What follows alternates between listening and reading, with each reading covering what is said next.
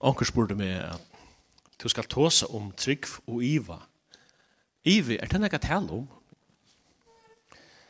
Vi tok så ofte at uh, man skal tåse om det, om det positiva og, og alt det som virker sin negativt, det skal man bare kåre bort. Men i Sverige er det einfalt.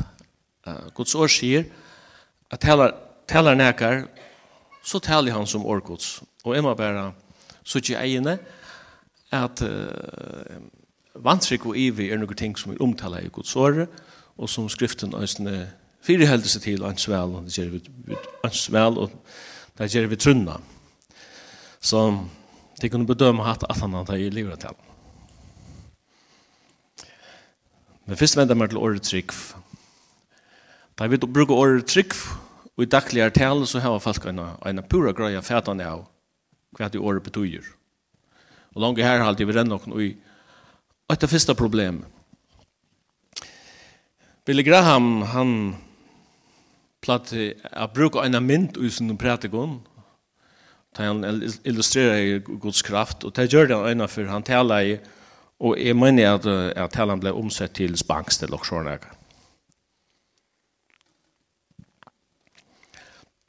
Illustrationen viktig av det han kallar för Guds kraft var illustrera i, i hesar mynden i det som man kallar för a caterpillar. Og tolkeren som omsetter, han omsetter så caterpillar til en gravkikv. Som ganske uisa sjálf, men ikke behøvst av vera, ikke behøvst av vera skoift. Og han held fram ved å illustrera the power of God. Og ta i så, the caterpillar was turned into a butterfly, så fikk tolkeren et problem. Det er viktig viktigt tar man tåsar att det, at det er et konsensus om altså, her har vi så med fätan her har vi som fätan att tänka om. Tåsar vi det egentligen om det samma ikke alltid med se året Ja.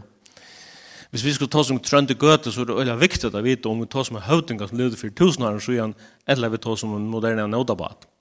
Det er rettelig viktig.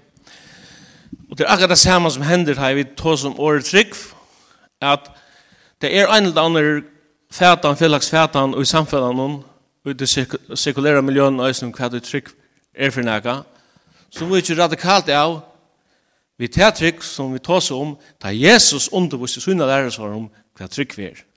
Da heita næga vi vøvn, da heita næga vi alle å gjøre. Og da heita vi et luiva å.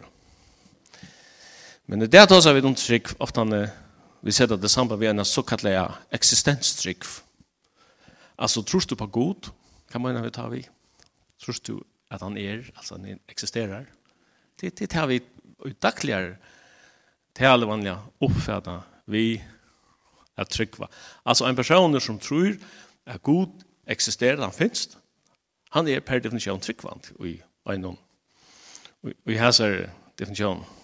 Ok, hvis vi fastholder hessa definisjonen, hittar Jakobs braun, her stender, til trust at Gud er, Det er så bort steder.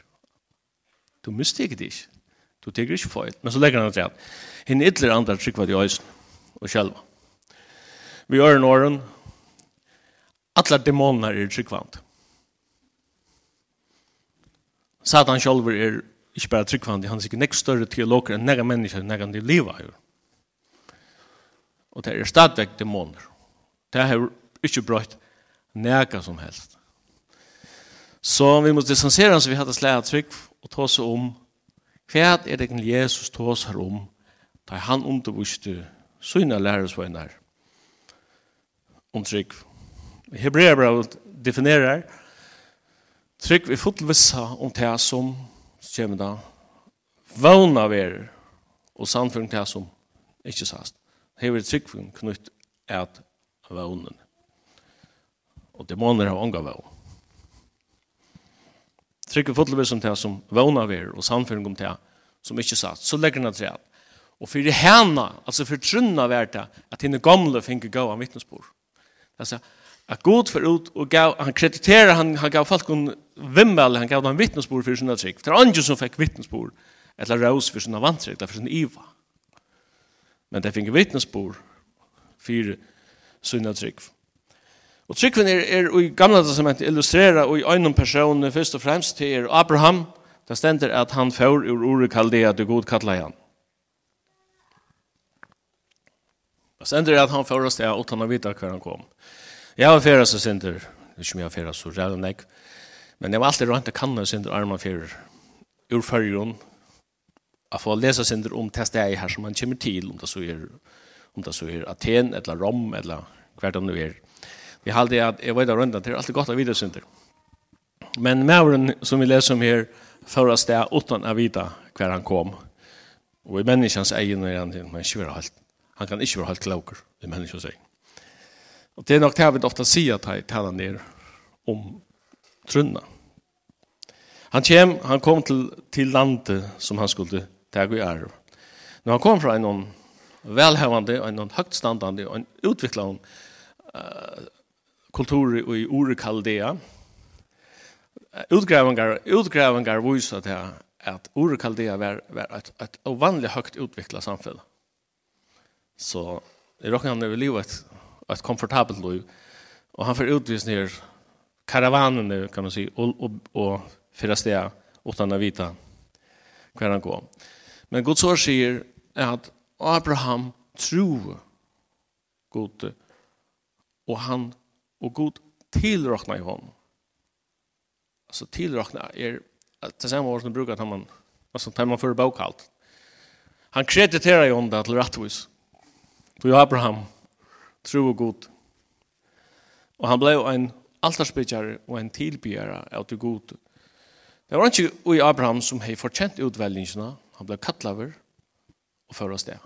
Han var annars en, en höttninger och i middelen höttningar. Och og en avgoda dorskar, og i middelen avgoda dorskar. Men han fyrir oss det. Og blei en tilbyarar, en tilbyarar av du øyna og sanna og livande god. Og han kjem til Kanas land. Det stender at han røyste sinne kjølt her. Det stender med landet han bygde et altar i Betel. Først i Sikhem og så i Betel og hei altar standandi her, og røst i kjølten i middelen, i middelen Betel og ei, så les at han hei Betel vestanfyre, og han hei ei vestanfyre. Og så stendet det her, røst han altar, og her avkallet han navn herrans. Nu renner vi dere i, i rønt nummer 8. Da han kom til landet her, kommer hungersnei i land. Og så kan man spyrre seg selv hver at Abraham hever hur han uh, prövar spalt för närmare vi god är detta till att du bjöd mer här som vi kom fra här är hejda fint och nu är ju kommit till land vi hungersnä akkurat vad han huxar jag vet inte men Gus är ständigt det här är det stävfest att han flotte sorätter och han ända i Egyptaland det här var inte här han var kallad I halde jeg nekva som styr noen som er sier troar kappaner, troar fedrene tåg i gamle testamentet, så tar vi lesa om der, tar prekk vi ikke alltid så nekva trygg. Nekva tog tar gjør det, prekva kanskje akkurat, ta med utsatta. Og det er han som ikke lykker planen, så renner han seg ui noen megastørre problemer. Alvorlige problemer. Men han, god som hei han, ur ur kaldea, var øysen førfyr, han var øysen førfyr, at her kan ur ur djupta land jo, han han ur ur djupta land, vi alle familie sinne, og flytta han norr etter. Og vi leser han noen några stärska år här det ständer. Han flyttade sig och han kom åter till det steg i mittlen Betelai här som han säger allt här är försten tog här i steg och så stända. Och här avkallade han namn herrans. Så inte ångat att han avkallade namn herrens menar han var i Egyptaland eller han byggde näga allt här. Men när han kom till det steg här som god och på något här kallade han till tar rösten åter eller ta avkallade han av nutjon namn herrens. Og i troarløven er det også viktig at her var sånn i altar, at komme atter til og si, her var det i møtte gode. Og her kan det komme atter til mot altar og minna meg sjølvan av Guds trofeste, og han sier han til en, en svipsar og en tur i Kjøplalandet, etla hva det nå er. Men for inni løyver jeg Abraham til at jeg nekvar lenger tog, så la meg bare stekka bare ved tog. Vi nevner vi tar og trutjar patriarskar, og Abraham, sonren, Isak, og tan tri er Jakob. Og sutja i jøkna skriftunar, atur atur, som eldena runde, at god kom til Isaks folk og presenterer seg, jeg er god Abrahams, og god Isaks, og god Jakobs. Abraham er mynd av troa røntun, Isak er mynd av troa kvillen. Han fikk ikke bo om å enn i landet ut av færast og til landet. Han var født inn i et land. Han var født inn i lyftene. Han var født inn i arven. Og til en mynd av tog, ja, det er syknaver, vi atler andalige sykning, og i sonen og i Jesus i Kristus. Og han sier på det arskeren Jakob, han er mynd av lyften. Og da han prøver i, og i egnare kraft, at tilegna seg lyftene, da er ikke alt galt i løven til. Men atter det jag vi Guds disciplinerande hand. Så mycket om patriarkanar, vi sutja bara at har fytla nekv i Nytja Testamentet, òsni i undervisningen som Jesus hei ondrygg. Nytja Testamentet er, er òsni en troarfer. Apostlan er opplevd løy òsni en truarøyse, og Arne Jesus var, var fattig så kom en, så var en som kom undan honom at jauna vegin som skriften sier uh, Johannes Døybaren og som kallar seg självan for rött ans som råpar og i øyemørsen jauna i herran noen väger og gjerri gøter hans herra ger göter hans slattar om hendan personen sier frelsaren själv at større enn Johannes Døybaren er ikkje stigen fram mellan alla tör som fötter er av kvinnen Folk fikk en en en en vanlig altså de de blir øle opptiden av Johannes Døperen. De blir øle opptiden hvor han var, hvor han måtte være, om han måtte være profeten eller han måtte være Messias og så framvis. Og han levde og han levde jo i just 18 noen at folk hadde hakre tankar om han enn de burde haft. Så han regner alle til å si, jeg er bare en, jeg er bare en rødt. Jeg er bare en rødt. Jeg pågjør en annan.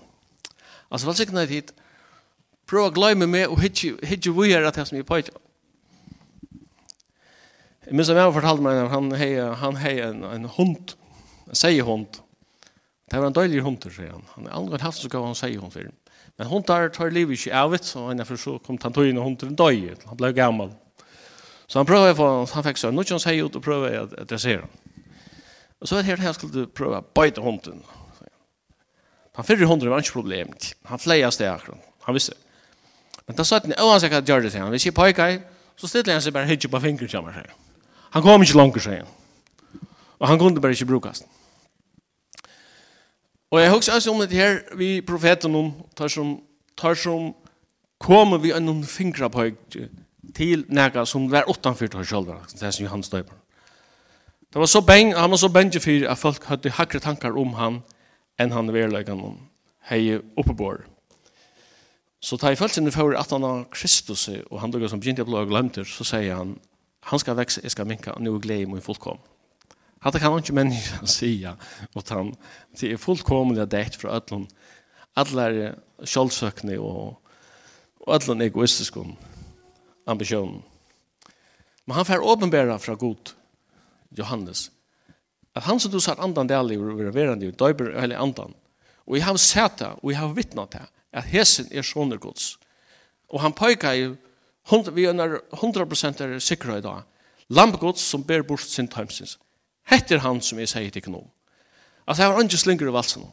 Han var så, han var så skrasikker ut i som han prædika i, om hver Kristus var, og han pekar jo han. Men da Johannes var sett i fengehus, og jeg sier til her en av tog, sendte han lærersveinar til Kristus, til Jesus, og sier vi han, Ers to tann og koma skal, etla skulle vi vanta en annan. Hatta må vetja en av større omtran til åkken Øtlandshavn. Hvor spør til at her som den som er så skrasikker kunne enda ui så større iva som han gjør det her.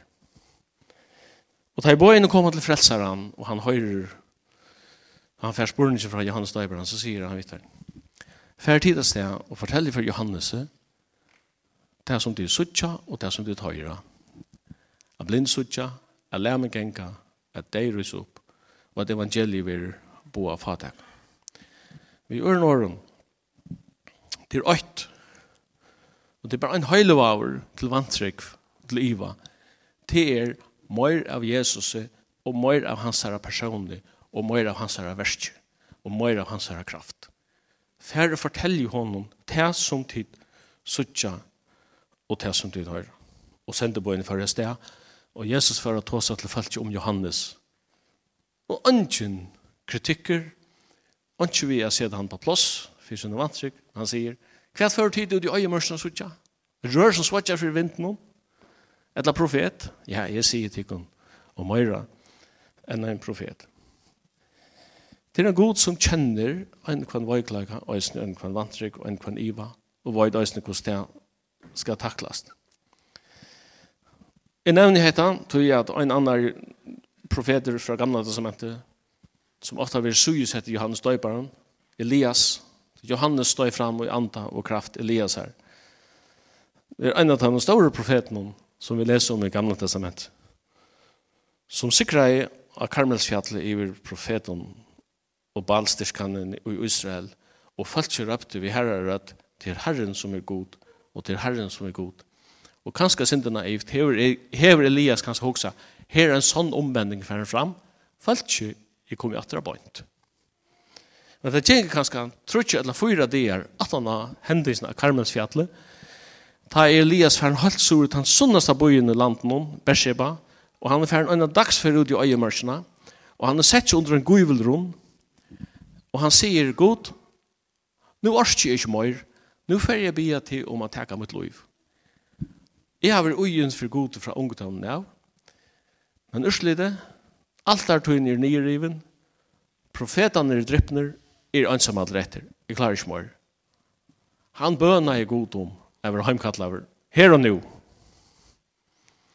Men god, for han røysa seg, eta, en god måltid, og for styrster, Og han kunne også fortelle Elias til at det var 6000 i Israel, 6000 som ikke hadde bøkt knæ for bal.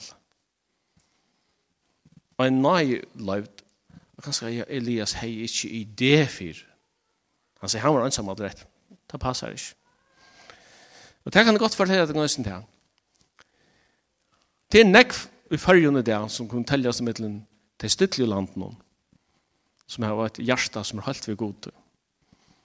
Hinn i heila i landen om teir hinn i dyre som god svar sier, som vi har alla glede i min i. Du var ganske leid om deg. Anker til har vi møtt anker anstukkens hårnar. Og det kan gjøre mer styrke og mer krefter enn tusen pratiker å få et oppmuntrande år vi er løyen. Eller at Paulus kom til Korint Og øyelig gøla vær om veien som du leser om i apostelsøvn i Adjan. Og han kan skje i hoa med seg mot.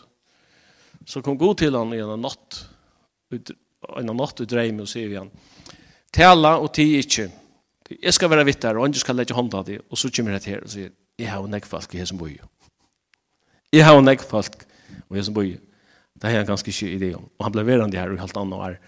Og etter øtlende dømme, det største kristna samkomman som vokste fram og gjennom boi i de første kristne tøyene. Det var nemlig og i Korint.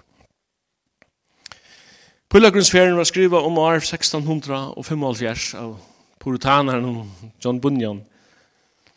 Og medan en av frasakene under Pullagrunnsferien er hetta medan kristen og vannrygger er av ved til himmelska eller til den evige stegen, så pratar der saman feriene, og en av fyrir kristne er fortelja fyrir vannrygger om en mann som er troarveiker.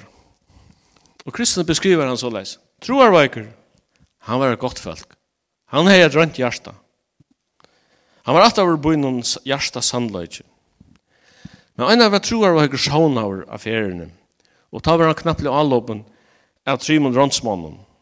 Hesa tror ikke Ronsmenner, tar kallavast fyrir motleiser, mistrykv og sekur.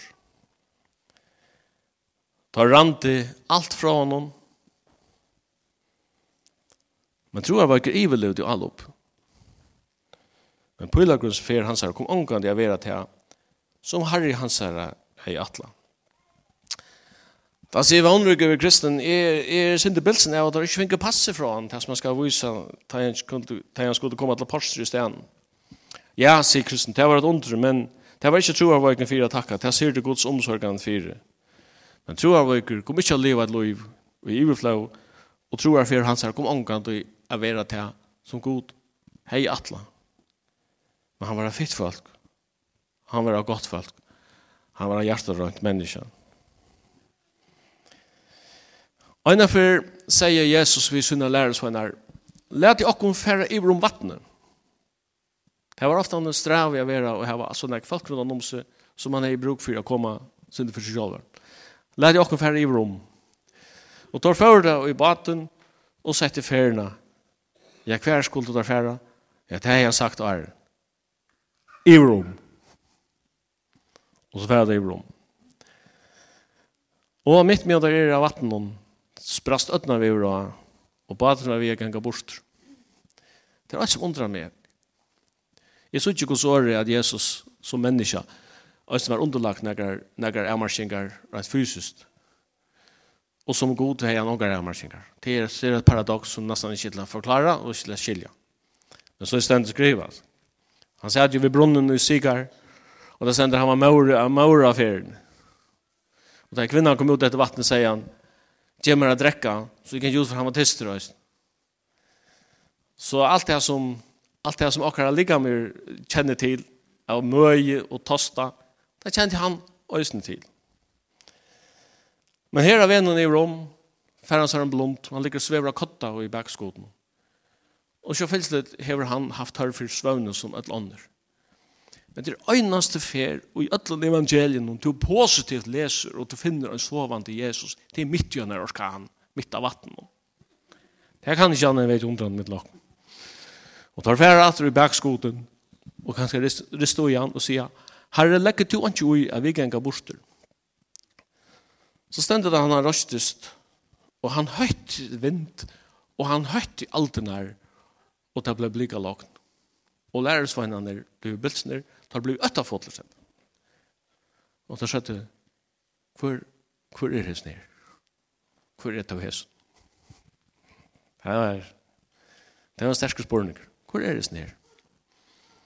Som heilige sov i av verkskoten, og nu røys jo. Men da setter han da en egen spørning. Han sier vi tar, hver er tryggtikkere? Nu er vi hos spørja. Tryggven av kvæt? Ja, hva sier han inni av stronten i Arndal forresten? Han sier, vi vidfæra i rom. Og da han sier vi færa i rom, så færa i rom.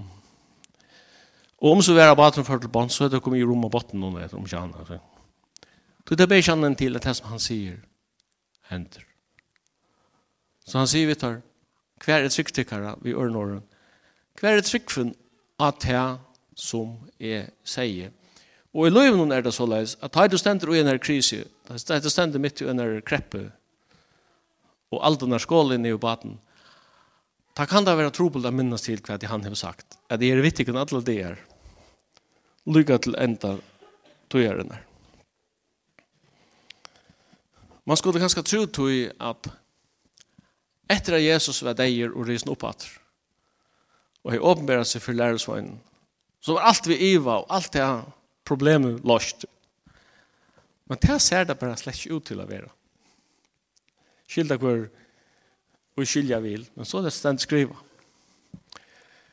Han har sett om stevne affæra til Galilea selv om han åpenbæra seg for Jerusalem så færa til Galilea For her er møtet til av frelseren.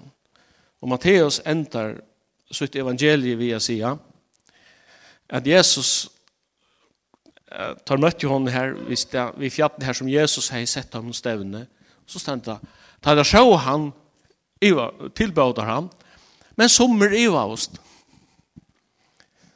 så stendte vi her at ta stå Jesus fram tale til dårlig sier Mary alt valgt og himmelig og gjør ferdig og gjør alt fakkast ut læres for nær Døype det til navn færesins, sonarens og heilig andans. Lære deg halte alt som jeg har bøyt og er vittikken alle dier, lukka til enda togjørene.